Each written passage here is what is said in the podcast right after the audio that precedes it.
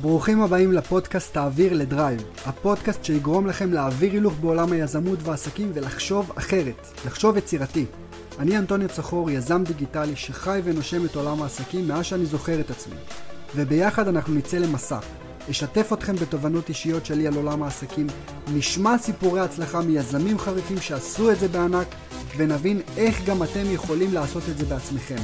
איך תקימו עסק דיגיטלי שיגרום לכם לקום כל בוקר עם תשוקה בעיניים, רצון עז לטרוף את העולם, ובסופו של יום יעזור לכם להגשים את החלום הגדול.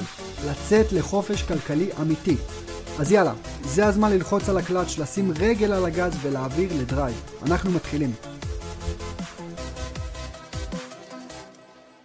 ברוכים הבאים לפודקאסט תעביר לדרייב, בכל פרק אני מארח יזם חריף שהגיע לתוצאות משמעותיות בעסק שלו, בשביל שנוכל ככה ללמוד מהתובנות והדרך שעבר, והיום אני מארח את אמיר קדומי, בכבודו ובעצמו. איזה כיף, וואו, כמה מחמאות. איזה? כיף, אני מעולה, תודה לאל. Uh, תודה שאירחת אותי, אני שמח להיות כאן. קודם כל, תודה על הבושם. הבאת לי. בושם נישה מהעסק, תכף גם. נתחיל לדבר עליו, טיפה תספר גם על עצמך. אמ, בוא נתחיל באמת עם מה אתה עושה. מה אתה עושה היום? Uh, מה אני עושה היום? כיום אני הבעלים של מותג שנקרא קדומי פרפיום. אוקיי. אנחנו נחשבים כיום לחלוצים בתחום הביסום. אנחנו בעצם מובילים עידן חדש של מודעות, כמו שאנשים היו רגילים לכרכראות בעידן של אה, רכבים וכרכראות, כמו שאנשים לא ידעו מה זה תקשורת בעידן של לפני פייסבוק, כן. אז אנחנו בעצם מביאים עידן חדש של מודעות. מה זה אומר? אנחנו מאמינים שלכל אדם מגיע לו למצוא את החותם האישי שלו, שיבטא את הייחודיות שבו לפחות פעם בחיים, מהמם. ואנחנו עושים את זה באמצעות שיטה שפיתחנו. איך השיטה עובדת? יש לנו חמש שני- שנים של ניסיון, חמש שנות ניסיון, ואנחנו בעצם יודעים לאפיין כל אדם שמגיע אלינו לבוטיק אוקיי. על סמך צרכים שלו, רצונות שלו ושאיפות שלו, ואז בין מגוון של 250 סוגים של פסמים נדירים מכל רחבי העולם, פסמים של אומני ביסום, אנחנו מציעים ללקוח את חמשת הפסמים הכי מותאמים בשבילו לכל הבקשות שלו. ומכאן בעצם אנחנו מתייחסים לבושם כחותם אישי ולא רק לעוד ריח טוב. וואו, אני חייב להגיד לך שזה סיפור מטורף. תודה. סיפור מדהים, מדהים, מדהים. תודה. זה בידול אה, שהוא, שהוא בעצם מבדל אותך מכל מי שמוכר פסמים. כאילו, אתה לא מתחרה בסופר פארם, אתה לא מתחרה בבי, אתה לא מתחרה ברשתות כאלה ואחרות. אתה מצאת לעצמך את הבידול שלך, את הנישה שלך, ושם אתה יודע לבוא ו- ולתת לאנשים להרגיש מיוחדים. אתה בעצם לא בוחר, אתה לא מוכר פסמים, אחי. אתה לא חד משמעית, חד אתה משמעית. נותן לבן אדם את החותם שלו ולהרגיש מיוחד. חד משמעית, חד משמעית. איך מגיעים לזה? אה, את האמת, זה שני דברים. אה, דבר ראשון, בנוגע למתחרים, זה בעצם באמת אה, לא להתייחס לכל בן אדם שפתח עסק שהוא בתור מתחרה שלך, אלא בעצם לחפש מי המתחרה האמיתי שלך. כמו שנטפליקס מתחרים בשינה, אנחנו מתחרים בחוסר מודעות. יפה. אתה מבין? אני אומר לכולם שאין לנו מתחרים, המתחרה היחידי שלנו זה החוסר מודעות. כל, אתם לא, כל עוד אתם לא מודעים למי אנחנו ולמה שאנחנו עושים, זה המתחרה הכי גדול שלנו. כי ביחס למה שאנחנו יש לנו להציע, אנחנו עושים את זה בצורה הכי טובה שיש. אחלה תשובה, אהבתי. תודה. אני מחזיר אותך רגע אחורה, כן. כי דיברנו ממש על uh, עכשיו, על עצם כן, היום הזה. בוא כן. נחזור חמש שנים אחורה. אוקיי. אתה בן לפני חמש שנים, בן כמה? אה, בין לפני חמש שנים, עכשיו אני נגיד 25, 20? בן 20. כן. מעולה. אז בחור צעיר בן 20, כן. מתחיל את החיים העסקיים שלו, או שלפני זה עשית עוד משהו? אה, תשמע, תמיד חלמתי, תמיד רציתי לעשות משהו שהוא משפיע, שהוא משנה, שהוא שונה, משהו שבאמת יתרום ויעזור לעולם. למה? למה? למה לא רצית? יודע, משהו כנראה בהרגשה של מה שחוויתי בעצמי בילדות, של כאילו משהו של... אה, כשאתה חסר לך, אתה רוצה לתת. אתה מבין? אז תמיד חלמתי איך אני יכול לתת בתור בן אדם שגדל לאם חד-הורית, אה, בתנאים שהם לא הכי נוחים שיש. תמיד חלמתי על אה, לעשות משהו שיכול לתת, וכמובן כנראה ההרגשה של להיות חסר אונים, של לראות את אימא שלך מנסה לגלם את כל התפקידים בבית, ואתה בתור ילד, שהוא אמור להיות הגבר בבית, שנועד לנסות לפרנס, אין כל יכולת לפרנס, Mhm. אז זה מציב אותך במקום של חוסר אונים. ואז אתה גודל, גדל וגדל וגדל, ואתה מכיל בעצמך מטען. ואתה מחכה שיבוא הרגע שהמטען הזה מתפוצץ. ואז כנראה זה בגלל, בגלל זה, אני חושב, זה אחת הסיבות שיש לנו היום כל כך הרבה יזמים צעירים. אנשים שפשוט חיכו להזדמנות הראשונה לפרוץ, וברגע שניתנת להם ההזדמנות של לסיים צבא, לסיים לימודים, לסיים, להתחיל לצאת לחיים העצמאיים, אה, ומשם זה התחיל. אז... אתה יודע, זה, זה מצחיק, כי מקודם כן. גם עשיתי פרק uh, עם uh, דוד וטין. אוקיי. וגם אני מראיין הרבה יזמים. אוקיי. וזה יושב על הדבר הזה של... היה לי איזושהי אנרגיה, שהיא אנרגיה רעה, או אנרגיה שלא טובה לי. בול. ולקחתי את האנרגיה הזאת והפכתי אותה למשהו שהוא טוב. הפכתי אותה ל- ל- להעניק לאחרים, לתת ערך לאחרים, להקים עסק. ויש כאלה ששוקים בתוך עצמם עם האנרגיה הזאת. ואתה ידעת לבוא ולמנף אותה. חד משמעית, חד משמעית. בר, ב, ממש ברגעים האלה שאתה, שאתה אומר את המשפטים האלה, אני כבר, אה, כבר עובר בצמרמורת. אחד הדברים הכי חשובים בחיים זה ממש לדעת לחבק ולברך את כל מה שיש לך בחיים. לטובה או לרעה, ולדעת להשתמש בזה לטובתך. אה, אתה לא מבין כמה דברים חוויתי בחיים, כמה יתרונות, כמה חסרונות, כמה כישלונות עברתי, וה, וה, והדבר היחידי שגרם לי לעבור את הכל, זה תמיד להיות בגישה של איך אני הופך חיסרון או כישלון ליתרון. לצורך דוגמה, אה, כשפתחתי את הבוטיק, פתחתי בוטיק סופר קטן, 20 מטרים, זה נטו אחד לאחד, כאילו אחד על אחד. אתה לא יכול פתאום להכיל 20 אה, אנשים. ברוך כן. השם, היום אני נמצא במצב שיש 20 אנשים בתוך ה-20 מטר, ה-20 מטר, מרוב שיש ביקוש. אבל כשהתחלתי בזה, היה לי סוג של חשש, איזה באסה שהמקום הזה לא כל כך, לא, לא ענק כמו שכולם רגילים אליו. עכשיו, היה לי שני אפשרויות. או שאני ממשיך לחיות בבאסה ואני כל הזמן באנרגיה לא טובה ביני לבין עצמי, או שאני הופך את זה ליתרון. ומשם הפכתי את זה ליתרון סופר מטורף, שהיום המדינה אה, מכירה ביתרון הזה, של one man show. Mm-hmm. מקום, בוטיק, אותנטי. לבן אדם אחד, מול לקוח אחד, שעושה לך אפיון והתאמה אך ורק בשבילך. אה, וזה תקף לכל הדברים בחיים. וגם תשמע, זה כל המקומות הכי מצליחים היום, גם, ב, גם בארץ, בתל אביב. כן. זה המקומות הקטנים האלה, הבוטיקים, כמו שאתה אומר, האותנטיים, בול. האותנטיים מאוד, שאתה נכנס למקום ואתה לא מחפש את, ה, את הגדול, את האלפי מטרים, את הללכת, אתה צריך את הבן אדם, את הגישה, את, ה, את המוצרים הטובים. וזהו, וזה כן. הכי כיף בעולם, כי אתה יוצא עם הרגע, אתה, אני רואה, אני מציץ לך לפעמים ככה בסטורי, אני רואה אה, אני רואה את האנשים באמת יוצאים עם חיוך. חיוך, חוויות, כן. עכשיו, כן, כן. אני מחזיר אותך עוד פעם להתחלה של הסיפור, כן. אתה בן 20, כן. אה, איך אתה מקבל את הרעיון הזה של בעצם לפתוח... איך אני מקבל את הרעיון אה, הזה? כן, שאלה סופר יפה. אה, כמו שהתחלנו, אמרתי, אני רוצה לעשות משהו שישנה, שישפיע, כן. שיתרום. נכנסתי בכל מיני השקעות, כל מיני מיזמים, לא בהכרח כולם הצליחו, עדיין הייתי בתחילת דרכי.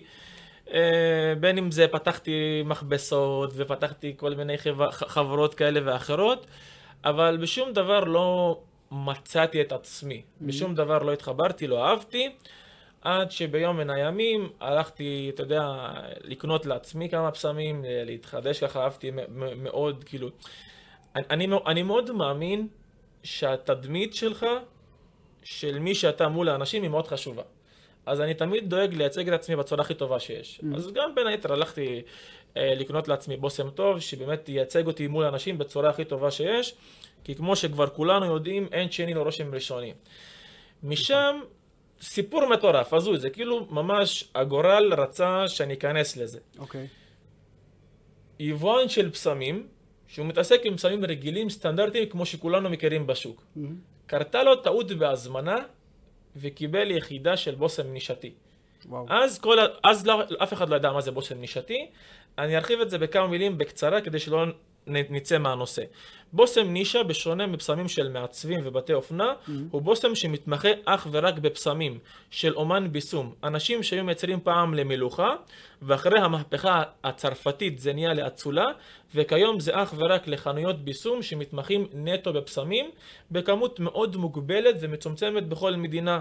במילים יותר פשוטות, כמו שיש לנו שעונים של מייקל קורס ובוס, יש גם שעונים של אה, רולקס, אובלוט, פתק פיליפ, AP, פרנק מולר וכאלה. Mm-hmm. אז אני מחזיק את המותגים של הביסום כמו המותגים של השעונים שציינתי. אז הגיעה לו יחידה אחת מה, מהבושם הזה וקניתי. ואז הרגשתי עולם שונה. קיבלתי מחמאות, הרגשתי טוב יותר, הרגשתי שאני מותיר שובל, מותיר חותם. אנשים כל הזמן מזהים את הריח שלי, שואלים אותי מה שמתי. זה, זה אפילו גם לא מצריח ממני לפתח שיחה עם אנשים. זה, זה, זה היה מדהים. כמו את... מגנט כזה. בדיוק, זה היה מדהים איך משהו שהוא בלתי מוחשי, נהיה מאוד מוחשי. עכשיו רגע, אני עוצר אותך בסיפור. אמ, אנשים שומעים, אומרים סבבה, נחמד, אוקיי, יפה, אוקיי. אבל בסדר, בושם, כאילו, אוקיי, סבבה, מה, מה ה big deal? בושם. מה ה big deal? Uh, אני אגיד לך מה ה big deal. ה big deal זה איך מתייחסים לבושם עצמו. אם אתה מתייחס אליו כאביזר אסתטי, או עוד כריח טוב, אז אתה לא תוציא ממנו, כ... אתה, לא, אתה, לא, אתה לא תוציא ממנו חוץ מאביזר אסתטי וריח טוב. זה כמו שאתה מתייחס לעסק.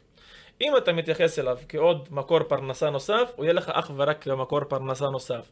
אם אתה תתייחס אליו כמקור פרנסה עיקרי, או כהחלום שלך, או כהייעוד שלך, זה מה שיקרה גם לו. אנחנו מתייחסים לבושם כחותם אישי. אנשים יכולים להכיר את אנטוניו בתור רושם ראשוני, כמו שרואים אותך אה, בחמש שניות הראשונות, ולשפוט אותך בתת מודע שלהם, או שאתה בעצם יכול לשדר ולהבליט תכונות אופי מסוימות, על סמך הניחוח שמלווה אותך, כל זה ללא צורך במילים, ואז זה נותן לך יתרון מאוד משמעותי, בין אם זה בדייט, בין אם זה בגישת עסקים, בין אם זה בשביל לייצג סתם סמל סטטוס. היום כמו שאנשים מבינים בבגדים, בשעונים, ברכבים, יש המון אנשים שמבינים גם בפסמים. על סמך הריח שאתה שם, הם יכולים לדעת איזה סוג של אישיות אתה. אה, אני, אני מסכים איתך מאוד, מסכים איתך מאוד. אני חושב שהבושם הראשון שנכנס לפה לארץ, שהוא נישתי, אולי תקן אותי אם אני טועה, יכול להיות שהוא לא נישתי, זה קריד. שיש לו ריח מאוד מאוד חזק, כן. מאוד עוצמתי, כן. ואתה זוכר אותו. אתה, אתה ממש זוכר אותו. ואני משמעית. זוכר ממש לפני כמה שנים, שהערכתי פעם ראשונה את הקריד, כן. אה, מי שעכשיו רק שומע אותנו ולא מבין, אז תנסו להיזכר בבושם ש, של הקריד. בדיוק. ואז אתם תבינו מה זה בושם שהוא נשתי. בדיוק. שהנצרב שה, בתודעה הזאת, כמו שאתה אומר. בול, בול, בול. עכשיו, זה. בול. עכשיו, מה זה קריד? קריד... דרך אגב, זה נישתי או לא? קריד נישתי, מה זה אוקיי. קריד? מה, מה שהסברתי שנישה כן. זה בושם של אומני ביסום. קריד, למה השם שלו קריד ולא בוס? אוקיי. כי קריד הוא על שם של אוליבר קריד. Mm. אומן ביסום, שושלת של משפחת, אה, משפחה שמתמחה בפסמים, שהתחילה את דרכה באנגליה ב-1760, ב-1800 עברו לצרפת, וב-2010 הם יצרו את הבושם שאנחנו כל כך מכירים, שנקרא קריד אבנטוס, כן. אה, אבל לצערי הרב ב-2019 היא נמכרה לחברה מסחרית, טייקונית ענקית שנקראת בלק רוק, ומשם מותג נישתי נהפך למותג מסחרי, ומשם כל האנשים שמשתמשים באותו בושם יכולים להעיד איך הביצועים ירדו באופן משמעותי. וואלה. כן, כי המותג רוצה למקסם את הרווחים, זה מותג מסחרי. אז מורידים את המרכיבים ה... הוא הוזיר את העלויות, השאיר את המחיר הרגיל, הרגיל וזה מה, ש... מה שנהיה, אבל אתה בהחלט צודק. זה באמת... אבל עדיין יש לו ריח מאוד עוצמתי. נכון? יש לו ריח מאוד עוצמתי, אבל זה כמו להגיד לך עכשיו, בוא תשווה מרסדס של 2010 למרסדס של 2022. הבנתי. 2010, כשהוא יצא ב-2010 היה מיוחד. כן. עכשיו אתה רוצה את 2022. היום הוא עגלה. היום הוא עגלה, היום הוא כבר בוסם, אפילו אה, זה מצחיק, רק אתמול בלילה של... המשווק שלי שלח לי ציוץ של אה, עדן פינס, mm-hmm. שהיא רשמה, אה, כל הגברים אומרים לך, אומרים, לך, אומרים לך שהם לא כמו כל הגברים עד שהם משתמשים בקריד אבנטוס, אתה מבין? זה כבר הפסיק להיות בושם נישתי שמותאם לפי הצרכים שלך, זה עוד בושם שכולם קונים בשביל לייצג סמל סטטוס, אבל אנשים שלא ממש מבינים בתחום, הם יודעים שהם עושים את ההפך. כן. הם רק מציגים את עצמם שהם בתור לא ממש מבינים בביסום. הבנתי. כן, אז... אה, אוקיי, אז אתה בן 20, אה, היבואן הזה 20, פתאום עשה את הטעות. היבואן מצא בושם בטעות, קיבל בושם, אני קניתי אותו. מחמאות, אהבתי, התלהבתי, הבושם נגמר. איך משם הגעת לעסק? בדיוק, הבושם נגמר, נתקעתי בלי בושם. הלכתי, חיפשתי, קניתי, קניתי, קניתי, קניתי, קניתי, נמאס לי. למה נמאס לי? איפה שאני הולך, כל פעם אה, מתייחסים אליי. אתה יודע, בלי לנקוב שמות. מגיע לדיילות, כל אחד דופקת לך פרצוף שלא יודע, לא בא לה לעבוד כאן, אה, אף אחד לא מתייחסת אליך, מוכרות לך בשיטה שהיא פחות נוחה ונעימה לך, אתה מגדיל את האוסף של, הבס... של הבשמים שלך, אתה משלם מאות שקלים, שום דבר לא נוח לך, שום דבר לא טוב לך. וזה מבאס, כי אחד הדברים הראשונים, בין, בין אחד הדברים הראשונים שאתה עושה כשאתה קם בבוקר זה להתבשם. ואם הבושם לא נוח לך, זה כמו שכל יום אתה לובש מדים שלא טובים לך. זה היה מבאס. עד שהתחלתי לחפש ולקרוא ולקרוא ולקרוא ולקרוא, והבנתי שכל מה שידענו על עולם הביסום עד היום הוא טעות. כאילו שאנחנו חיים בתוך בועה שהיא שונה מכל העולם. ואז הבנתי שאם אנחנו נלך לאירופה ואנחנו נגיד לאנשים שאנחנו מסתמכים על קניית הבשמים שלנו מבתי מרקחת וסופרים, הם יצחקו עליהם. יצחקו עליהם. כאילו, מה, מה יש לכם? אצלם מעבירים את זה בתור ירושה, בתור מורשת, הביסום. כן.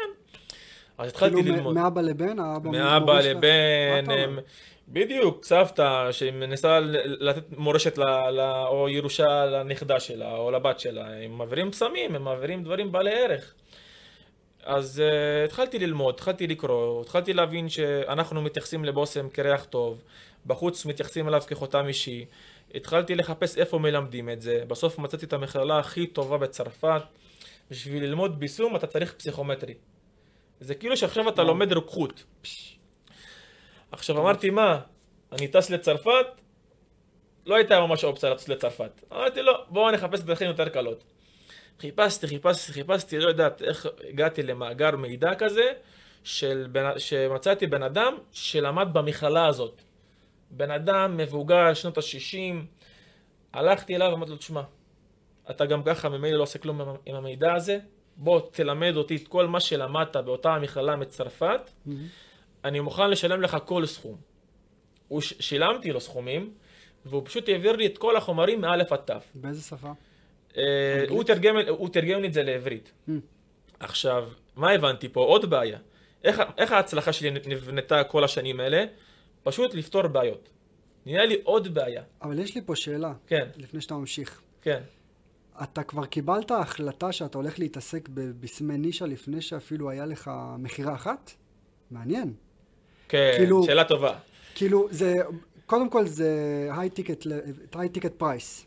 נכון, שאלה סופר טובה. זה לא פסמים של 100, 200, 300 שקל. זאת אומרת, אתה הולך למכור עכשיו פסמים של 1,000 שקל, אנשים לא רגילים להוציא סכומים. של 1,000, בדיוק. 1,500, 2,000 שקל. אתה הולך ללמוד בצרפת. לשלם סכומים לפני שאפילו עשית מכירה. בול, אני לא למדתי אני למדתי ממישהו שהוא למד שמה, כן. אבל uh, נקודה סופר חשובה שציינת, גם בשביל לפתוח חנות, אפילו של 20 מטר, עם בסמיני שאתה צריך הון של לפחות חצי מיליון ומעלה רק לפסמים.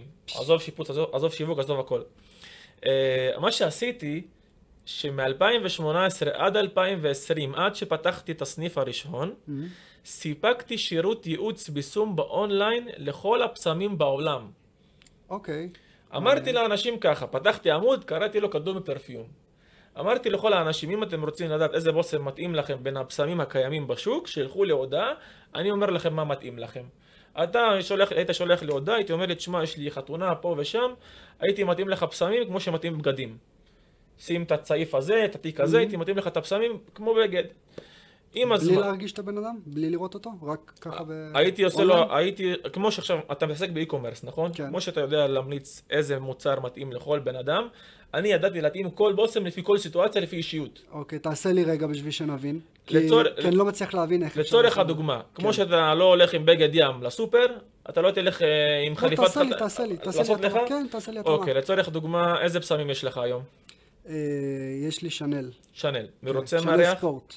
שאנל ספורט. מעולה. מרוצה מהריח? כן, הביצועים טוב לך? בגדול כן. כן? ולמה ולמה יש לך הרגשה של... היה לך קצת סקפטיות ב... כי אה, כמו שאתה אומר מקודם, יכול להיות שמבחינה תודעתית אני לא יודע משהו אחר. נכון, נכון. בגלל זה. נכון, כי יש לנו שני אופציות, או שאנחנו עונים על צורך מסוים, או שאנחנו אה, לא מעוררים מודעים. צורך שהוא לא קיים. אוקיי. עכשיו, יש לך חזון לבושם שאתה רוצה להשיג, איזשהו vision, איזשהו מטרת על שאתה רוצה להשיג מהריח הזה? אה, בא לי מה שתיארת מקודם, שאני הולך ופתאום יש לך הרי איזשהו שובל, שובל, או איזה חותם. חותם שמשאיר אחריי, כן. מעולה, מעולה. כן. אז זה כבר אופציה ראשונה שאנחנו נתייחס אליה, אנחנו נביא לך בושם ניחוח ייחודי. בושם שהוא לא מותג אופנה, אוקיי. למה? כי רק בסמי נישה יכ- יכולים להשתמש בחומרי גלם סופר נדירים ששום מותג אופנה לא היה מוכן להשתמש בהם. לצורך דוגמה, ענבר אפור, אבנים שלוויתן פולט מהפה. וואו, נגיע לזה. אוקיי. עכשיו, שאלה שנייה, האם הבוס מיועד לסיטואציה מסוימת, עבודה, בילויים, אירועים, יום יום. יום-יום. מה זה בשבילך היום-יום? מה אתה עושה ביום-יום? ביום יום אני אה, נפגש עם אנשים, הולך לפגישות, אה, במשרד. מעולה. מעו- מעולה, מעולה. זאת אומרת, אתה רוצה בושם דינמי, יומיומי, רב-עונתי, כן. שיתאים לפגישות מול אנשים, שיותיר שבל ושאנשים יזכרו אותו, וגם בסאבטקסט אתה אומר לי בעצם, שאת הבושם אתה הולך להשתמש בו ביום-יום, אז חשוב מאוד שהבושם לא יימאס לא לך ולא למי שמריח אותך. מהמם. ושהלבוש שלו יהיה מאוד קל ונעים בשבילך, נכון? מעולה. עכשיו, האם הבושם, אתה רוצה להדגיש תכונות אופי מסוימות, ואם אתה רוצה, אני יכול להרחיב למה אני מתכוון. תרחיב, כן. מעולה, כולם אומרים לי להרחיב. ואני מת על זה. וואו. בחמש שניות הראשונות שאנחנו רואים מישהו, מישהו רואה אותנו, אנחנו שופטים את הבן אדם שמולנו. אחד האלמנטים שהכי הרבה משפיעים על הרושם שאנחנו מותירים, זה הניחוח שמלווה אותנו, כי ריח קשור מאוד למוח ולתת מודע שלנו. אז האם אתה רוצה שבפגישה הראשונה שלך עם אנשים, אתה תעביר לו מסר מסוים. כריזמה, סמכות, הצלחה, חושניות, אלגנטיות, נגישות, הכל. הצלחה. ההצלחה. כן. יפה. אז אנחנו בעצם רוצים בושם שמשדר יוקרה, שמכיל חומרי גלם יוקרתיים. חומרי גלם שמשדרים פאר. לצורך דוגמה, ריח של אור. למה ריח של אור ולא ריח של לימון כמו שנהל ספורט? כי ריח של לימון משדר ניקיון. כמו כל חומרי הניקוי שאנחנו מכירים. ריח של אור, לעומת זאת, משדר רכבי פאר. נכון. משדר חליפות אור. אז אנחנו נלך לחומרי גלם יותר יקרתיים, אתה מבין? אוקיי. עכשיו עוד שאלה, האם היו לך בשמים שאת הריח שלהם לא אהבת?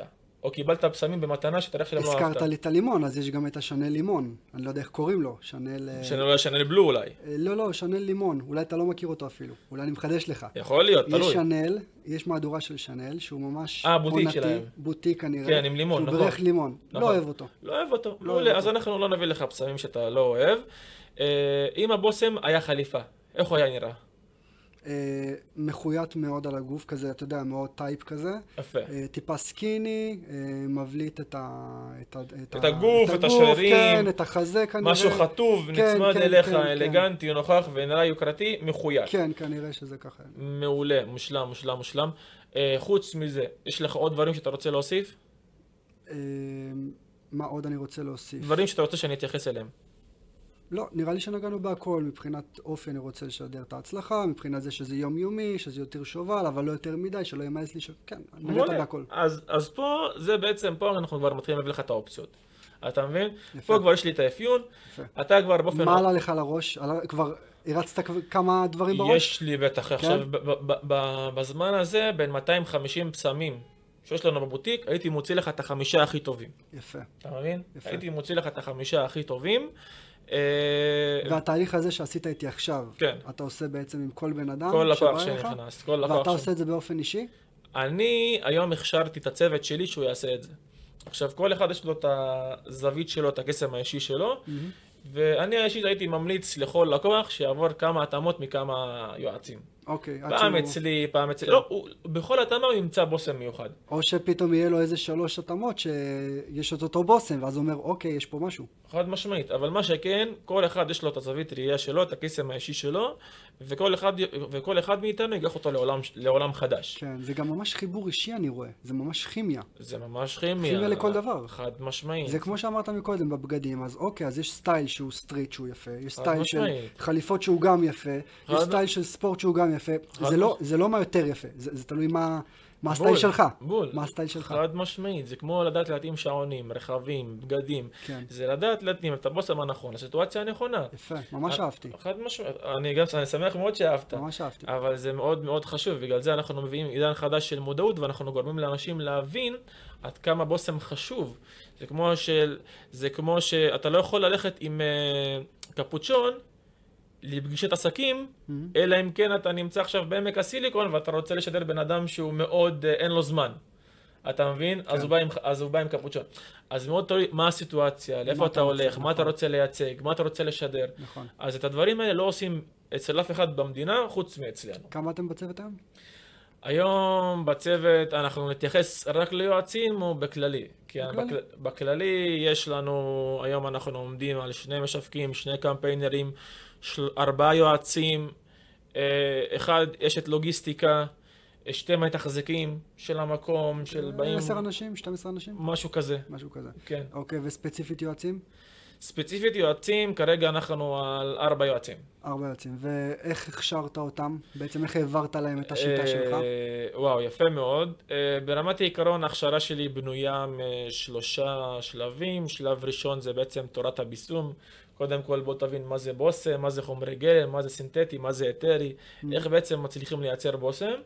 אה, שלב שני זה בעצם אה, איך לדעת אה, לשאול את השאלות הנכונות, מה בעצם שבעת השלבים שבהם אנחנו עושים התאמה, לצורך עניין שלב ראשון קבלת פנים, קודם כל לא לרוץ, לא להתחיל להציע פסמים, קבל, קבל את הלקוח בברכה, בחיוך, כוס קפה, פררו, מים, תן לו להרגיש בנוח.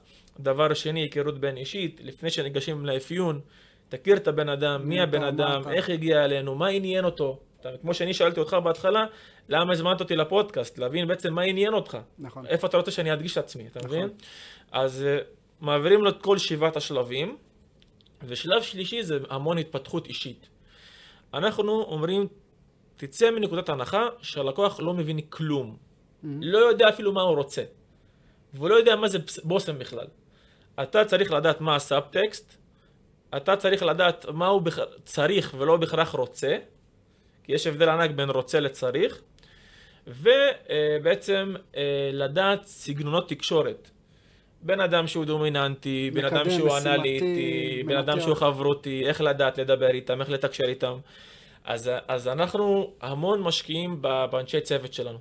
ממש משקיעים בהם בכל הפרמטרים. איך שאני, לא משנה איך אני הופך את זה תמיד, בסופו של דבר זה מגיע לפסיכולוגיה. תמיד זה מגיע לפסיכולוגיה, פסיכולוגיה. אה, מה הצד השני צריך, מה הוא רוצה, איך הוא חושב, איך להתחבר אליו, איך הכימיה איתו תהיה, זה תמיד שמה, זה תמיד על. הנקודות האלה. חד משמעית, חד משמעית, חד משמעית. אני, אה, כמו, אתה יודע, אני, יצא לי ללמוד מהמון אנשים ובעלי מקצוע ורכשתי המון ידע בתחום, בין אם זה בעולם העסקי, השיווקי, הבשמים והכל. אה, פעם שמעתי משפט מדובדבני, שגם אני מאוד אהבתי אותו, שזה בעצם... ניר דובדבני? ניר דובדבני, כן, עברתי אצלו, אני מכיר אותו גם ברמה האישית, יש לי את המספר שלו, אנחנו מתייעצים, מדברים. אה, פעם הוא אמר משפט שתהליך עם לקוח זה בעצם שחמט תלת-מימדי. רק שאין פה מט, יש פה שח חי, כולם בסוף חיים מזה.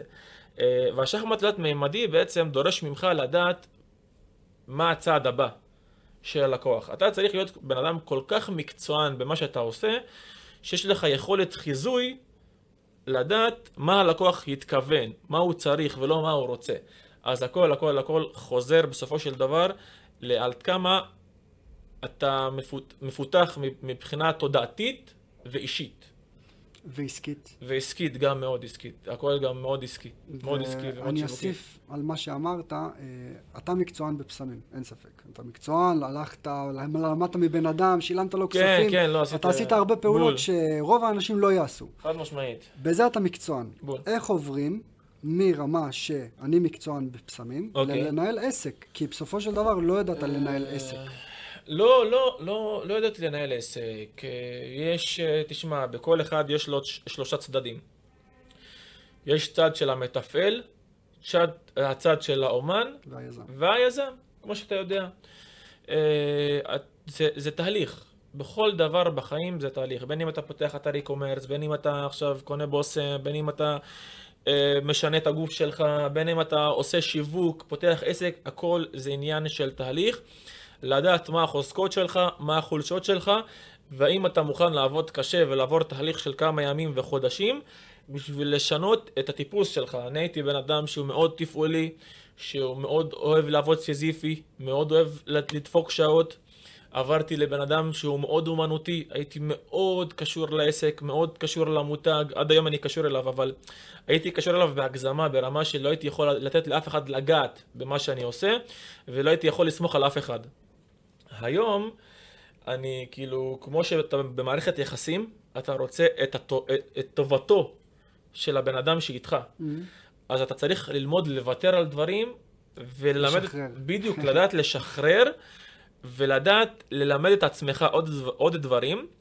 והתייחסתי לעסק ולמותג כמו, כמו ילד שאני מגדל אותו, שהגיע היום שאני צריך לשחרר אותו. בניתי הכשרות, כמובן בגלל שיש לי את הצד המאוד אומנותי, אנליטי, דומיננטי, אז בניתי הכשרות א' א', בניתי ספר נהלים א' א', הכל ברמה הכי גבוהה שיש, והתחלתי לעבוד יותר על הצד היזמי שבי. בהתחלה היה לי קשה אה, להתחיל להוציא את עצמי מה, מהמותג, מהעסק. Mm-hmm. אבל uh, ברוך השם, עשיתי את זה בהדרגתיות. מה זאת אומרת? איך עושים את זה? איך עושים את זה? איך עושים את זה? בהתחלה אתה עובד, uh, אתה, אתה, אתה נותן לעצמך המון משרות. בהתחלה הייתי גם יועץ בישום, גם מנהל יועצים, מנהל סניף ומנכ"ל. אחרי זה אני מפסיק להיות יועץ בישום, אני מפסיק לעבוד במשרה מלאה בתור יועץ וגם מנהל סניף, אני רק נהיה מנהל סניף ומנכ"ל. Mm-hmm. אחרי זה אני כבר מפסיק להיות מנהל סניף ואני רק מנכ"ל. אז עשיתי את זה בתהליך, הייתי, קודם כל גייסתי שלושה אנשי צוות, מתוכם השארתי את הכי טוב, ואז הייתי מגייס, מגייס עוד שלישיות ומשאיר את הכי טוב, עוד שלישיות ומשאיר את הכי טוב. כמובן, אחרי שהייתי עושה עשרות ראיונות, הייתי עובד קודם כל אה, שני שליש משרה, כאילו לא, לא, לא, לא שני שליש משרה, סליחה, הייתי עובד משרה וחצי. אה, ומי אוקיי. שהייתי היה עובד, היה עובד משרה. אחרי זה ירדתי למשרה. אחרי זה ירדתי לחצי משרה. כשאתה אומר משרה, מה זה אומר? 180 בשעות? שעות. שעות בחודש? שעות עבודה. Okay. הייתי קודם כל דופק 250 שעות, אחרי זה 200 שעות, אחרי זה 180 שעות, 160 שעות, 140 שעות, 120 שעות, 50 שעות, עד שכבר אין לי שום שעה בבוטיק. אין לי שום שעה בעבודה. אני בא, אכפת לי רק דבר אחד, התפתחות. אכפת לי רק איך אני מותח את העסק, איך אני מתפתח, איך אני משווק את עצמי יותר טוב. פיתוח עסקי. רק פיתוח עסקי. זה היום, מה שאתה עושה היום? זה מה שאני עושה היום. היום אני אך ורק פיתוח עסקי. מה אנחנו, זה אומר? אה, זאת אומרת ש, שטסתי המון אה, מסביב לעולם, איטליה, לונדון, צרפת, דובאי, כל מיני מדינות, כל מיני מדינות באירופה. אה, מצאתי מפעלים, אנחנו מייצרים היום המון private labelים, מגייסים מותגים חדשים. בשנה וחצי האחרונות אני, ניר דובדבני ועוד המון אנשים, אה, וגם העורך דין גיא קולן, בנינו הסכם משפטי, פיתחנו זיכיונות, עשיתי כנס השקת זיכיונות. אה, היום אני רק חושב איך אני פותח עוד סניפים ואיך אני מעתיק את ההצלחה הזאת לאנשים אחרים, איך אני בעצם פותח, מוצא עוד שותפים mm-hmm. ומעתיק את ההצלחה הזאת, כי יש לנו נתונים מטורפים של הצלחה. נשמע ממש מעניין. כן. מה המודל העסקי? Uh, מה המודל העסקי? מה, מה הכוונה בשאלה? איך אתה מייצר זאת אומרת, מה אתה, אתה היום סיטונאי, אתה קונה בסיטונאות ומפיץ את זה בתוך החנויות שלך, אתה קונה ישירות ממפעלים, אתה קונה... Uh, ברמת העיקרון... אם זה סודות עסקיים כמובן, לא, אל לא, תיכנס לא, לזה. לא, לא, לא חופשי, זה פשוט uh, היום, כאילו, מה המודל העסקי לזכיין? לא, לא. קודם כל המודל העסקי מבחינת זה שאתה קונה נגיד מספקים בארץ, או שאתה קונה ישירות מהמפעלים, מה... מחו"ל, ואחרי זה גם אה, נעבור למודל עסקי. יפה, אה, יש גם וגם. יש גם לי, וגם. יש לי מותגים שהם בלעדיים אך ורק לנו, שאנחנו מייבאים אותם אה, מחו"ל, ויש מותגים, עכשיו, בשונה מבשמים של מעצבים ובתי אופנה, שיש להם רק שני יבואנים עיקריים, שזה mm. שסטוביץ' ולילית, שכל אחד מחזיק חצי מהמותגים של האופנה. אחד לצורך הדוגמה מחזיק לקוסט, בוסט, ש... mm. נה נה נה נה, אז מותגי נישה, לכל מותג יש נציג. אוקיי. זה כמו שגרירות. כן. לכל כן. מותג יש נציג כמו שגריר יפה. במדינה, אה, שהוא נותן את הבלעדיות לבוטיק הכי, למותג הכי טוב במדינה. עכשיו, בגלל שאנחנו מביאים עידן חדש של מודעות, ובגלל הכוח השיווקי שלנו, ובגלל מי שאנחנו, כולם רוצים להיכנס אצלנו לבוטיק, וכולם רוצים שאנחנו נהיה הבלעדיים שלהם. בזמן שכולם עובדים הפוך, מחפשים נציגים שיקבלו מהם בלעדיות, אנחנו כל הנציגים פונים אלינו בשביל שייתנו לנו בלעדיות, ואנחנו מסרבים ב-90% מהמקרים, כי לא כל הצעה היא הצעה טובה. וספציפית כשאנחנו מדברים ללקוח, כי אנחנו מאוד חשוב לנו שהלקוח יהיה לא רק מרוצה, יהיה גם מעריץ. אז לא כל הצעה היא הצעה טובה, ולא כל בושם שמוצע הוא בושם איכותי. אז אנחנו מסרבים ל-90% מה, מההצעות. אה, וזהו, ואנחנו גם, יש לנו משלנו, וגם יש לנו עם הנציגים הבלעדיים. יפה. בהתחלה אמרת אה, שצריך לפחות איזה חצי מיליון שקל אה, נכון, לקנות סחורה. נכון. איך ילד בן 20 מגייס חצי מיליון איך שקל? איך ילד בן... שאלה סופר טובה, אני אוהב את זה מאוד. בהתחלה הלכתי לגייס כסף מהבנקים. אני אישית מאמין שהשותף הכי טוב שלך זה בנק, אה, ולא בהכרח אה, אנשים, כי בנק הוא שותף שקט.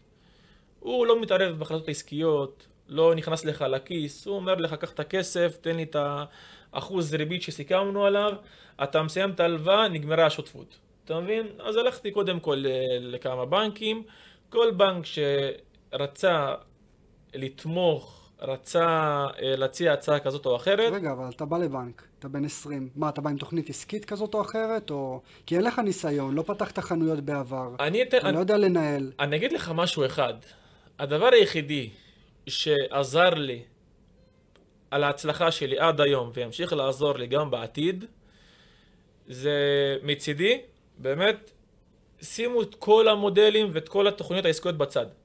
שום דבר לא יעזור לכם אם אין לכם מספיק כריזמה. אש בעיניים. אתה צריך פשוט להיכנס לבנק, לדעת לדבר עם אנשים, בכך שאנשים יהיו פשוט מהופנטים ממך. לא הייתי מגייס את הצוות שיש לי היום, לא הייתי מגייס את הלקוחות שיש לי היום, לא הייתי נמצא בפודקאסט של היום, ולא הייתי מגייס את הכסף של הבנקים שהייתי גייסתי היום, ובונה את כל המותג, אם לא היה לי את, ה, את, ה, את התשוקה בעיניים. כי אתה יכול להחזיק תוכנית עסקית סופר מדהימה, אבל ואז לבוא אליהם בגישה מתנצלת. ואז לבוא, אליהם, לבוא לבנק בגישה מתנצלת. כן. של, אה, יש לי תוכנית עסקית, אתם יכולים להשקיע, ואז אתה לא, לא מראה ביטחון. ואנשים משקיעים באנשים, הם לא משקיעים במודלים. אם עכשיו אתה תלך להשקיע במניע של טסלה, לא אכפת לך מהרכב. אכפת לך מאלון מאסק, עד כמה הוא חכם. אתה תגיד, אוקיי, הבן אדם, אם הוא ייפול מתישהו, הוא יצליח לקום. אז הכי חשוב שיהיה לך כל כך הרבה כריזמה, כי בסופו של דבר, לא משנה מי, כולם ישקיעו בך. והכי חשוב, תהיה בן אדם של אמונה. לא לדבר איך ולא לדבר מה. תמיד תדבר למה, למה, למה, למה אתה עושה את מה שאתה עושה. אתה מאמין בעצמך? אני המון מאמין בעצמי. אני המשקיע הכי גדול של עצמי. Hmm. אני מאוד מאמין בעצמי ואני מאוד משקיע בעצמי נפשית, מנטלית, גופנית, כספית, פיננסית, כל מה שצריך. כי אני מאמין שאני בעצם המנוע הכי עיקרי של ה... בחיים שלי. בוא נדבר על התפתחות אישית. אוקיי, באהבה.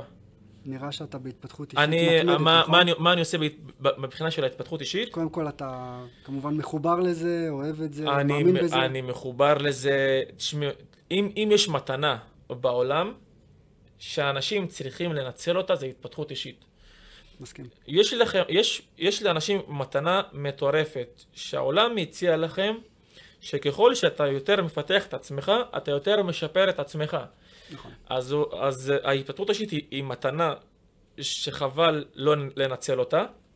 אני משקיע בהתפתחות האישית שלי ברמה היומית. מה הכוונה ברמה היומית?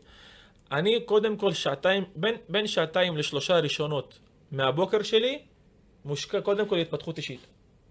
מתי אתה קם? אני קם, זה משתנה, בין 6 ל-8 אני קם. אוקיי. בין 6 ל-8 כל בוקר אני קם. מה הרוטינה? הרוטינה שלי היא כזאת, קודם כל אני מתפלל.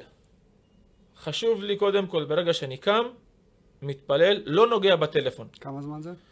אה, זה לוקח לי רבע שעה. למה זה חשוב לי? א' כל לא נוגע בטלפון, כי אם אתה פותח את הטלפון, זה שואב אותך לבפנים, כן. לוקח אותך למקומות שאתה לא רוצה לגעת, לג- לגעת בהם. נכון. תאמין לי, יש לך מספיק זמן במהלך היום לסיים את כל המטלות שלך. אבל תהיה מספיק חכם לנצל את הזמן הזה לטובתך. אז קודם כל, נייד בצד, לא נוגע בו. אם אני נוגע בנייד, זה נטו בשביל להגיד לאשתי בוקר טוב. חוץ מזה, לא נוגע בנייד. אה, אחרי זה אני קם, אני מתפלל. אה, מתפלל. חשוב לי מאוד להגיד תודה.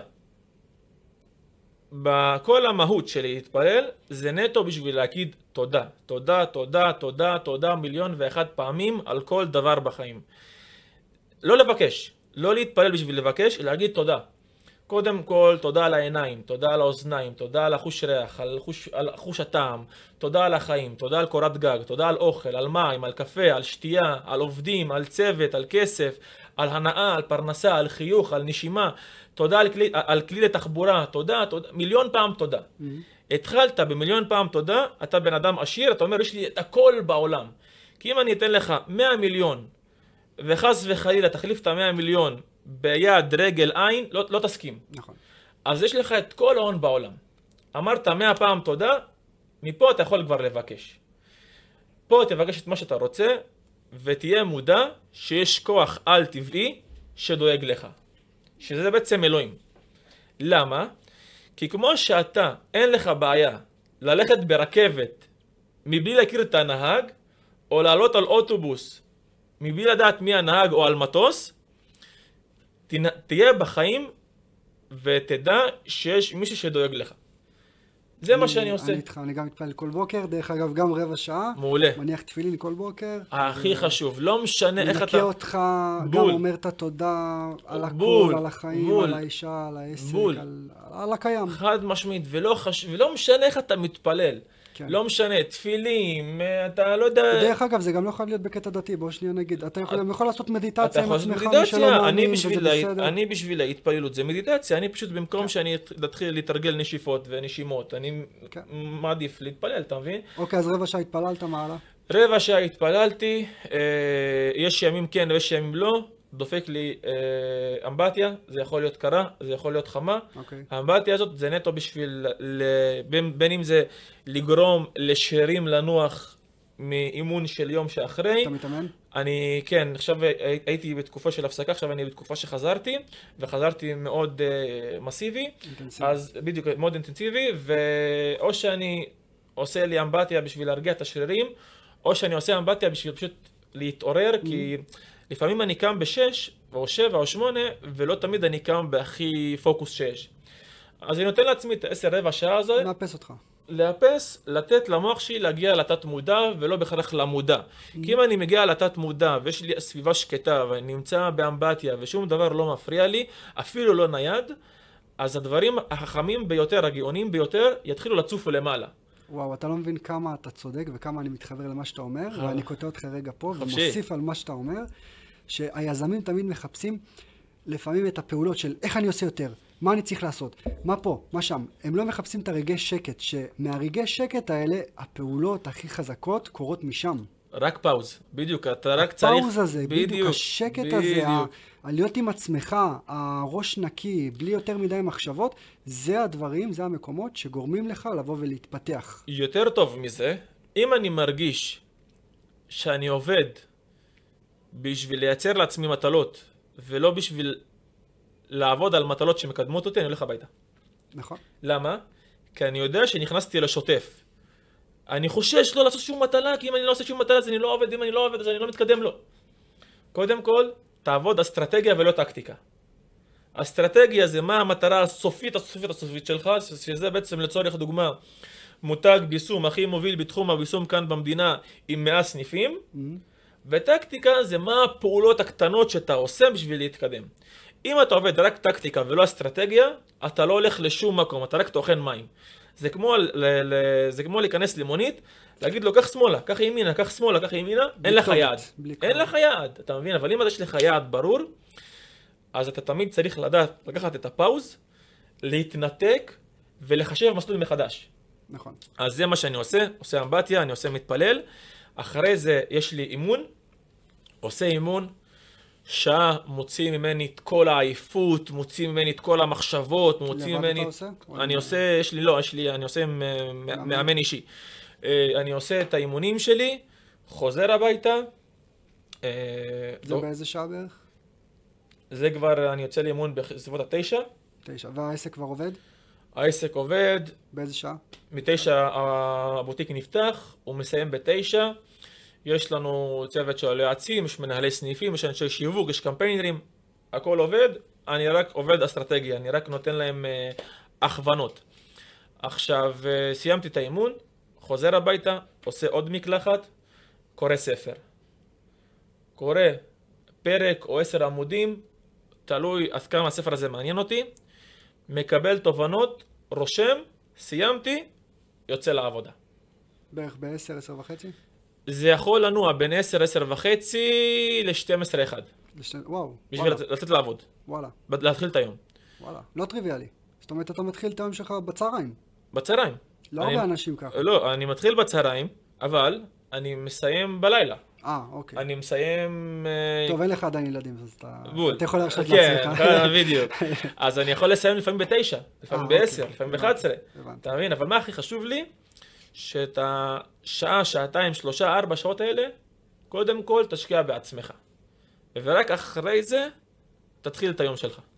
כי אם אתה לא מפתח את עצמך, אתה לא יכול לפתח לא את הצוות שלך, לא את העובדים, לא את המשפחה, לא את הפרנסה, לא את אף אחד. אז אני קודם כל דואג לפתח את עצמי, כדי לפתח את האחרים. איך הגעת לה- להתחיל בכלל עם חנות פיזית של כל כך הרבה כסף? כי בסופו של דבר, עוד פעם אני מחזיר אותך לנקודה הזאת של כן. וואלה, זה הרבה כסף, אחי. זה הרבה כסף. זה הרבה כסף. אני, אני אגיד לך מה... והיום חנות פיזית נחשבת כ... אתה יודע, כדינוזאור. מה, ח- בדיוק. חנות פיזית עכשיו, לבוא, להקים מערכות. צוות, זה, מצלמות, עניינים. אז, אז יש, לי, אה, יש לי מסקנה סופר חשובה, כי ספציפית אתם מתעסקים באתרי e-commerce.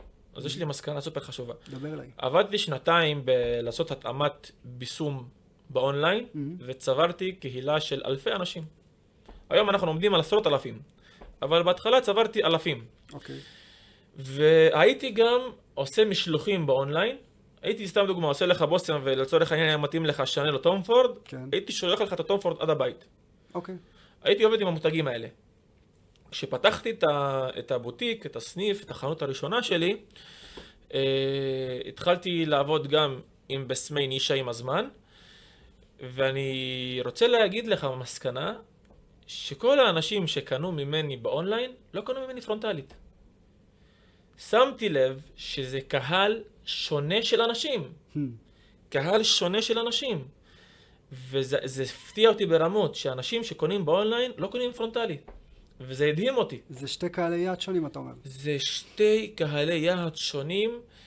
אה, הם מפונקים, רוצים עד הבית, תודה, שלום, ביי, שגר ושכח, אל תדבר איתי, לא צריך. כלום. וההם רוצים יותר אולי את היחס האישי והלבוא. זה שני דברים, זה באונליין, זה או שבן אדם הוא בחשיבה של אם הבן אדם אין לו חנות, אז סביר להניח שהוא זול יותר. יש אנשים שחושבים ככה. או שיש אנשים שפשוט לא אוהבים לצאת מהבית. נוחות. נוחות, אני רוצה שהכל יגיע עד אליי. אה, לצורך העניין, אני, אם אני קונה בגדים, אין מצב אני קונה באונליין. אשתי לעומת זאת, הכל. אצלה באונליין. כן, כן. אז אה, זה שונה. אז, זה אז. אז, אה, אה, אז התחלתי, פתחתי חנות אונליין. בהתחלה זה, זה, זה מצחיק, כי פתחתי את החנות נטו כי פשוט קניתי כל כך הרבה בשמים, Hmm. שהייתי חייב לאחסן אותם איפשהו. ואז פתחתי חנות בשביל לאחסן את הבשמים, ובסוף זה נהיה בוטיק. הבנתי. זה, זה, זה. זה מצחיק, זה כמו הסיפורים, נגיד, כמו של אפ, אפל ואמזון, שנגיד היו, כמו שנגיד... התחילו מהגראז'. אה, התחילו מהגראז', סטיב, אה, לא סטיב ג'ובס, נו, ג'ף בזוס היה מוכר ספרים מהבית, זה היה נכון. מוכר, אז, אז זה הכל התחיל כזה, בוא, דבר- בוא נפתח מחסן, דבר גר דבר. בדיוק, בדיוק, בוא, בוא, בוא נתחיל, בוא נפתח איזשהו משהו, ואז כזה זה, זה גדל, התגלגל. גדל, בדיוק, בדיוק, מדהים. בדיוק, כן. יש עוד משהו שאתה מתעסק בו היום חוץ מבשמים, או שהעיקר אה, והפוקוס שלך והקור שלך זה בעיקר... אה, התעסקתי בהמון דברים, ברגע שאתה מתחיל לראות כסף, אתה רוצה עוד. אתה רוצה עוד. ברגע שאתה, שהיית רגיל להרוויח 30, 50, 20 שקל לשעה, ואז פתאום אתה מתחיל להרוויח סכומים של מאות שקלים לשעה, הרעב נפתח. וזה אחד הטעויות הכי נפוצות לאנשים עצמאיים. הם פשוט הולכים לאיבוד, הם רוצים להשקיע גם בבורסה, וגם בנדל"ן, וגם בפה, וגם בשם, ופתאום כל אחד נהיה אילון. מאסק, או נהיה ג'ף בזוס, נהיה רון באפט, אתה מבין? כן. אה, לק... לקחתי כל מיני קורסים, השקעות בשוק ההון, ופה, ושם, וניסיתי, והתנסיתי, וקניתי, ופתחתי, ועשיתי. כלום. חרטא, חרטא אחת גדולה. אם אתה לא מושקע, מושקע ב-100% במה שאתה עושה, תסתפק בלהיות ממוצע כל החיים. או שאתה הולך all in, או שלא. או שאתה שורף את הספינות, או שאתה נוסע הביתה. יש... אה, אני מסכים איתך, וגם טיפה חולק עליך. כאילו גם וגם. מאוד מסכים איתך שנגיד בתור התחלה, לך all in על מה שאתה עושה, תהיה מאוד ממוקד, תהיה יזם בנשמה, תעשה את מה שאתה עושה הכי טוב בעולם. נכון, מצד שני, למה להגביל את עצמי לדבר אחד? אל תגביל. אבל אתה צריך להיות מספיק חכם, אתה צריך לדעת לשפוט את עצמך, כן. מתי נכון לך להתחיל נכון, זה בשלב הנקודה. הבא. הטיימינג. הטיימינג. נכון. נגיד, אני נכון. התחלתי רק אחרי כמה שנים, פתחתי תיק השקעות, אבל את התיק השקעות לא אני מנהל אותו. הבאתי בן אדם שמתמחה, סוכן ביטוח, שפותח קרן השתלמות, נפתחו כל מיני, בדיוק, נפתח עכשיו כל מיני מסלולים אצל הראל ו- וכלל, שזה 100% מניות, בין אם זה S&P, בין אם זה תל אביב 125, אז התחלתי בפסיבי, מהמם. ועם הזמן קניתי בית, ועם הזמן, אבל אם אתה שם לב, זה לא דברים שמצריכים ממני זמן משלי, נכון. אתה מבין? אז אתה צריך להיות מספיק חכם ולדעת מתי זה הזמן הנכון. אנשים מתפזרים מהר מדי, מהר מדי בהתחלה. מהר מדי בהתחלה. הנה, כמוני, אני גם. אני ש... כמעט תשע שנים בתחום הזה של e-commerce. רק בשנה וחצי האחרונות אני הלכתי גם לתחום של הדרכות של אחרים בתחום בול. של e-commerce. בול. הרגשתי מספיק נוח עם עצמי, שצברתי מספיק ידע, מספיק ביטחון. בוא. מיליוני שקלים שהלכו לתקציבי שיווק, סחורות, עניינים. אני מכיר היום את כל האופרציה, את כל המערכת. בוא. והיום הרגשתי מספיק בנוח לבוא לפתוח עוד עסק, שאני גם מכשיר אחרים איך להיכנס לתחום הזה. בול. אז צריך את הטיימינג הזה. יש עוד איזה עסק שמעניין אותך? נגיד והיום היה לך באמת את, ה, את הראש השקט, את הראש הנקי, הגעת למאה סניפים. כן. יש עוד משהו שהיה מעניין אותך? רק עושה? רק כשאני אגיע ל-100 סניפים, אתה תתפנה נפשית. אני, לא, רק כשאני אגיע ל-100 סניפים, ואז כבר לא יהיה לי ממש מה לעשות, אני אשקיע בשני דברים. מה? אני אשקיע בנדל"ן בתור הפנסיה, אוקיי. כן. ובסניפים בחו"ל. אה, להתפתח לחו"ל גם. להתפתח אבל לחו"ל. עדיין אתה באותו עסק, זאת אומרת אתה מת על העסק אני, הזה, אתה לא משנה. אני all in, אם אתה רוצה in. לדעת אם, אם העסק שאתה נמצא בו, העסק הנכון בשבילך, אם מציעים לך עכשיו לקבל 10 מיליון, האם אתה נשאר בעסק או לא. יפה. אם אתה נשאר בעסק, זה זה העסק שלך. שלך. אם אתה לא נשאר בעסק אחרי 10 מיליון שקל, זה לא עסק שאתה הולך להתחבר כן. אליו בהמשך. כן, יפה. אז uh, אני יפה. all in. לא משנה כמה כסף יהיה, כמה אני אצבור, כמה זה, אני בעסק הזה מושקע all in. ניר, תרשום לנו פודקאסט עוד חמש שנים. אני אה, פה ואמיר. חופשי, מאה- מאה חופשי. סניפים. חופשי, חופשי, חופשי. הלוואי שנגיע ל-100 סניפים בחמש שנים, בעזרת השם. אבל חצי, אבל יהיה לנו סניפים פרוסים בכל המדינה, לפחות כמה עשרות. כמה היום אתם? היום אנחנו בסניף אחד, שאנחנו עכשיו ממש מתחילים לפתוח עוד סניפים עם. עוד שותפים עסקיים. בשעה טובה. כן. בשעה טובה. מה, אה, במודל של זכיינות, מה שאמרנו מודל של זכיינות, מודל סופר טוב, סופר שווה, סופר נוח, סופר רווחי, ו- ותחום סופר כיפי ומהנה, אתה בא עם כופתרת, אתה בא, אתה בא לעבודה מבוסם, הולך הביתה מבוסם, עובד 6, 7, 8 שעות, עושה את הייעוץ שלך לאנשים, הולך הביתה. תאמין לי, מודל סופר מדהים. אם הייתי רוצה לפתוח עסק, חופשי הייתי הולך על המודל הזה. יפה. חופשי. בוא נשנה קצת תפנית. יאללה. עם יד על הלב, כן. מה אתה שונא בעסק? אה, אני אשאל את זה אחרת. כן. אם הייתי יכול לקחת ממך היום משהו שאתה מתעסק בו או, או מתפעל אותו, מה היית משחרר? שאלה טובה. אני רואה את החיוך, אני רואה שם את החיוך הקטן. אה, אתה לא חייב להיכנס אני, לדברים אם אתה אני, לא אני, רוצה. אני, אני, אגיד לך מה, כן, זה חשוב, אבל אני לא תמיד אוהב אותו. כספים? לא כספים. מה? כספים, לא, אין אף אחד שלא אוהב כספים. כולנו אוהבים כספים. אם אתה לא, לא אוהב כסף... לנהל את ה... אה, לא, לא, להפך, אני אוהב לנהל את הכספים שלי. אוקיי, אני אוהב מה? לנהל את הכספים שלי, כי אם אני מנהל אותו טוב, אז אני עובד חכם. אוקיי. אה, השיחות האלה, ש- שאין להם... אה, שיחות חולין. בדיוק. שיחות חולין. אני שונא שאם עכשיו אני... סתם דוגמה. אני יודע שזה חשוב לי ולצוות שלי, שנפתח שיחות שהן לא בהכרח תלויים לעבודה, כן. אבל אם אני מגיע למשרד ולעבודה, לבוטיק, לא משנה איפה, ואני רואה שמתחילים לדבר איתי על דברים לא קשורים, כאילו, איך היה לי השבת, כן. אני ישר חותך. כי ישר, הראש שלך הוא מאוד יזמי. ישר חותך, כאילו- אני אומר לו, תשמע, אחרי העבודה, בואו נקבע לנו פגישה, בואו נשב לכוס קפה, בואו נלך למסעדה, מה שאתם רוצים. בעבודה, בעבודה, דברו איתי עבודה. הראש שלך מאוד מאוד יזמי, אתה מאוד כאילו מתמקד ב... בדיוק, בעסקי, ובוא נדבר איתי בדיוק, בדיוק. תכלס. אז השיחות חולין האלה, ותלונות. תלונות. אני, אל תבוא אליי בתלונה. אל תבוא אליי עם בעיה, תבוא עם פתרון. אז אם אתה בא עם, עם בעיה, עם תלונה, ואין לך פתרון לבעיה, לתלונה, אז תחשוב על הפתרון ואז תבוא אליי. אתה מדבר בצוות. כן, בצוות. כן, ללקוחות אין לי מה, מה לא לאהוב עם כן. הלקוחות, אני מת על הלקוחות, אבל כאילו, הדברים הקטנים ש, שכאילו, הדברים היחידים, כאילו, ש, שהיום אה, עומדים על קטנות, אה, זה רק הדברים האלה, אבל גם... קודם כל צרות של עשירים. מזל שזה הדברים שהכי אה, מרגיזים אותך. כן. כן, אבל אני- אני עדיין, אני, אני עדיין אוהב את זה, אני עדיין מברך את זה, כאילו, אני, אני שונא את זה, אבל אני עדיין מברך את זה, כי, כי אם אני מקבל שיחות חולין, סימן שהצוות אוהב לדבר איתי. נכון. אם אני מקבל אה, בעיות תלונות, סימן שהצוות סומך עליי. אה, סימן שיש לנו עוד איפה לשפר, איפה להתפתח. אבל זה עסק, אתה לא חייב לאהוב את הכל. אתה צריך לעשות את מה שאתה צריך לעשות. אני מסכים. אתה מבין? אה, מה האתגרים שאתה מתמודד איתם ביום-יום? אה, אתגרים שאני מתמודד איתם ביום-יום. האתגרים שאני מתמודד איתם ביום-יום, האתגר היחידי שלי זה התחרות ביני לבין עצמי.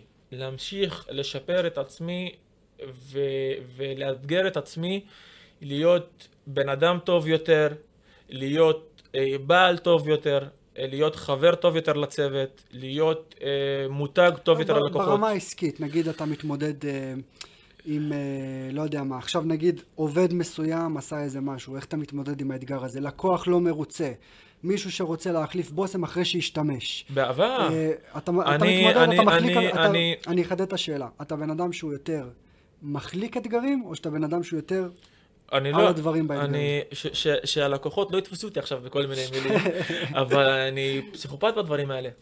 אני, אין לי, אין לי את הקטנות האלה. קודם כל אני אומר לצוות שלי, תעשו את העבודה שלכם. תעשו התאמות. אל תחשבו על כלום, תעשו התאמות. אם יש בעיה, אז דברו איתי. אבל אם מגיע לקוח, קנה בושם, פתח בושם, לא אהב, כן התחבר, לא התחבר, לא משנה מה, אני לא שואל. אני אומר לו, חשוב לי שתהיה מרוצה, חשוב לי שתהיה מעריץ, חשוב לי שתהיה חלק מהמותג, חשוב לי העתיד שלי ביחד איתך.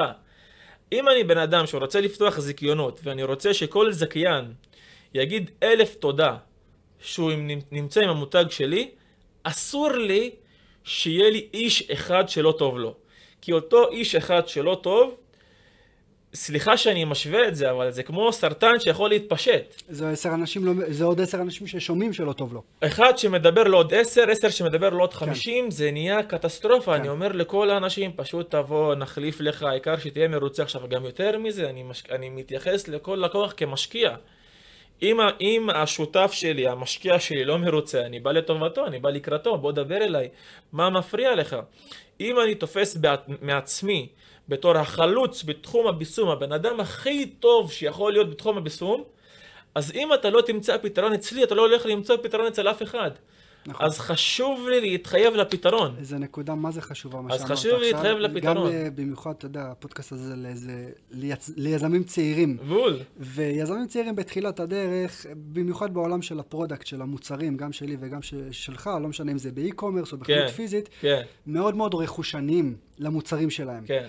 מישהו שעכשיו מחזיר להם, אז הם תמיד ינסו להתלונן למה הוא לא טוב. אה, הוא כבר לא. פתח את זה, ו...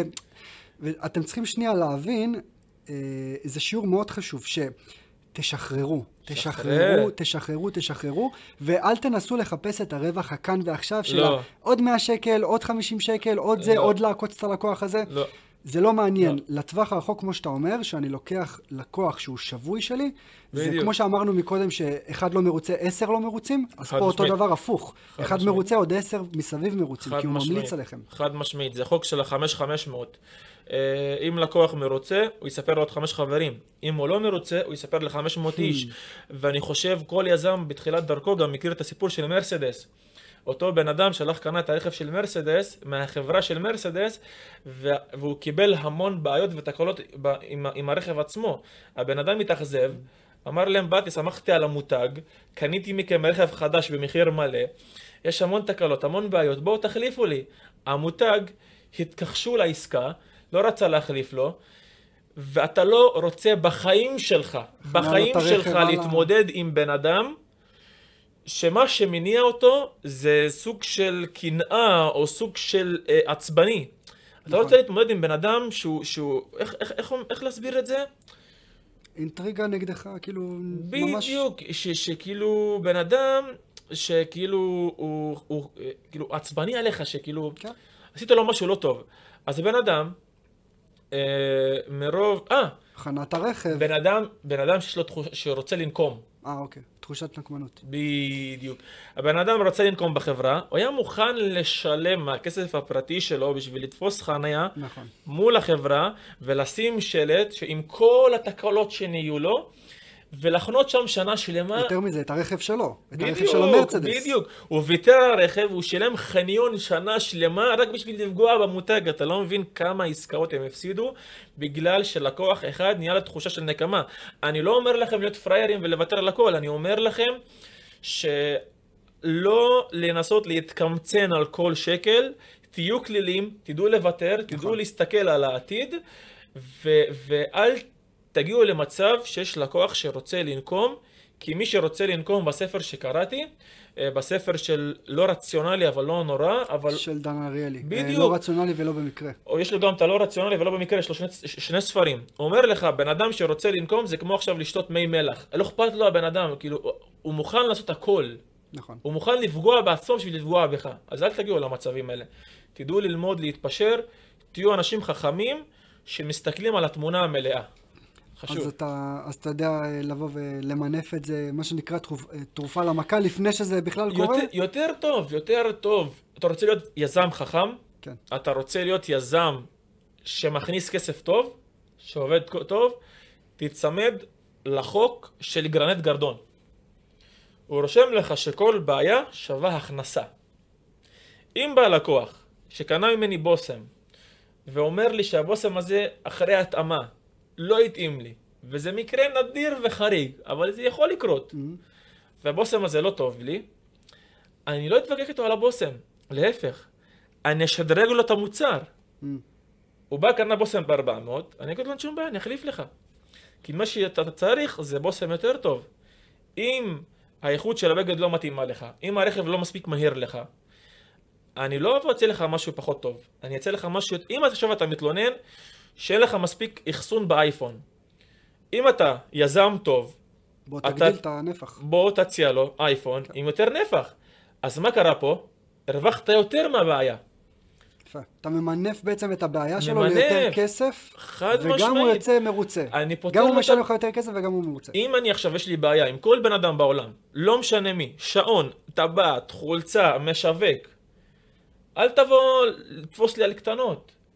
בוא, שדרג לי את מה שאני צריך, כדי שבסוף אני אקבל את התוצאה הרצויה. כי אנשים לא קונים את המוצר עצמו, אנשים קונים את התוצאה שהם רוצים לקבל ממנו. את החוויה. בדיוק. ואת השייכות. בדיוק. אז א' כל הם בהחלט קונים את השייכות וקונים את הלמה אתה עושה את זה ולא את הסיבה שאתה עושה את זה, אבל ספציפית תתייחס למה התוצאה שהלקוח רוצה.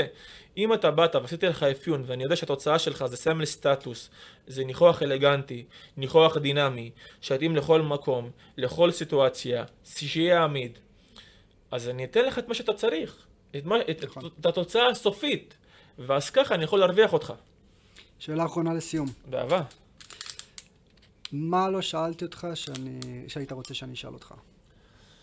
אה, מה לא שאלת אותי שהייתי רוצה שתשאל אותי? אה, את האמת, אין לי שום שאלה, לא באתי עם ציפייה מסוימת, באתי באמת להעביר את מי שאני ואת מה שאני ככה ב, אה, בזרימה, אבל חשוב לי להגיד לכל בן אדם שצופה בסרטון הזה, כן. שפשוט יאמין בעצמו. שפשוט יאמין בעצמו כמה שיותר, שיאמין בעצמו, כי הכל בסופו של דבר זה עניין מנטלי. כי אפילו הספורטאים הכי גדולים בעולם, שזוכים באליפויות פעם אחר פעם אחר פעם, זה לא כי הם השחקנים הכי טובים. כי אתה יכול להגיע למגבלה של כמות ידע, בין אם זה בספורט או ביזמות. הדבר היחידי שמבדיל בינך לבין אותו שחקן או לבין אותו יזם, זה המנטליות שלך. ההתמדה. זה. ההתמדה, זה המנטליות, זה האמונה בעצמך, וזה איך אתה רואה את עצמך ו- ומה, ואיך אתה משקף את עצמך מול עצמך. אז חשוב מאוד להתגאות במי שאתה, לא- לאהוב את מי שאתה, להאמין בעצמך ולהשקיע בעצמך. אני יוצא מפה עם שתי דברים. אני יוצא מפה עם uh, הדבר האחרון שאמרת, של להאמין בעצמך, ואני יוצא מהשיחה הזאת עם כריזמה מאוד מאוד גדולה. חד ש... משמעית, להיות בכריזמה מפוצצת. שבעצם באמת נוטפת ממך, ורואים אותך, ורואים באמת כריזמה ענקית. אמיר, היה כיף. איפה אפשר למצוא אתכם? קדומי פרפיום, יהודה הימית, 6, יפו, אפשר גם למצוא בווייז, וגם יש חנייה חינם. לכל הלקוחות שמגיעים, המון הטבות, המון פינוקים, מה שרק צריך. אמיר קדומי, תודה רבה לך, חברים. תודה רבה לך, שמחתי מאוד, הכבוד והזכות הוא לי. היה כיף. זהו חברים, עוד פרק הגיע לסיומו. אם נהניתם ובא לכם לפרגן, שתפו את הפרק, ככה נוכל לגעת בכמה שיותר אנשים. תרשמו לנו בתגובות את מי אנחנו חייבים לארח בפודקאסט הבא, כדי שנוכל להמשיך לייצר תוכן איכותי עבורכם. יאללה, ניפגש בפרק הבא, ואל תשכחו להעביר לדרייב. אוהב ומעריך, אנטוניו.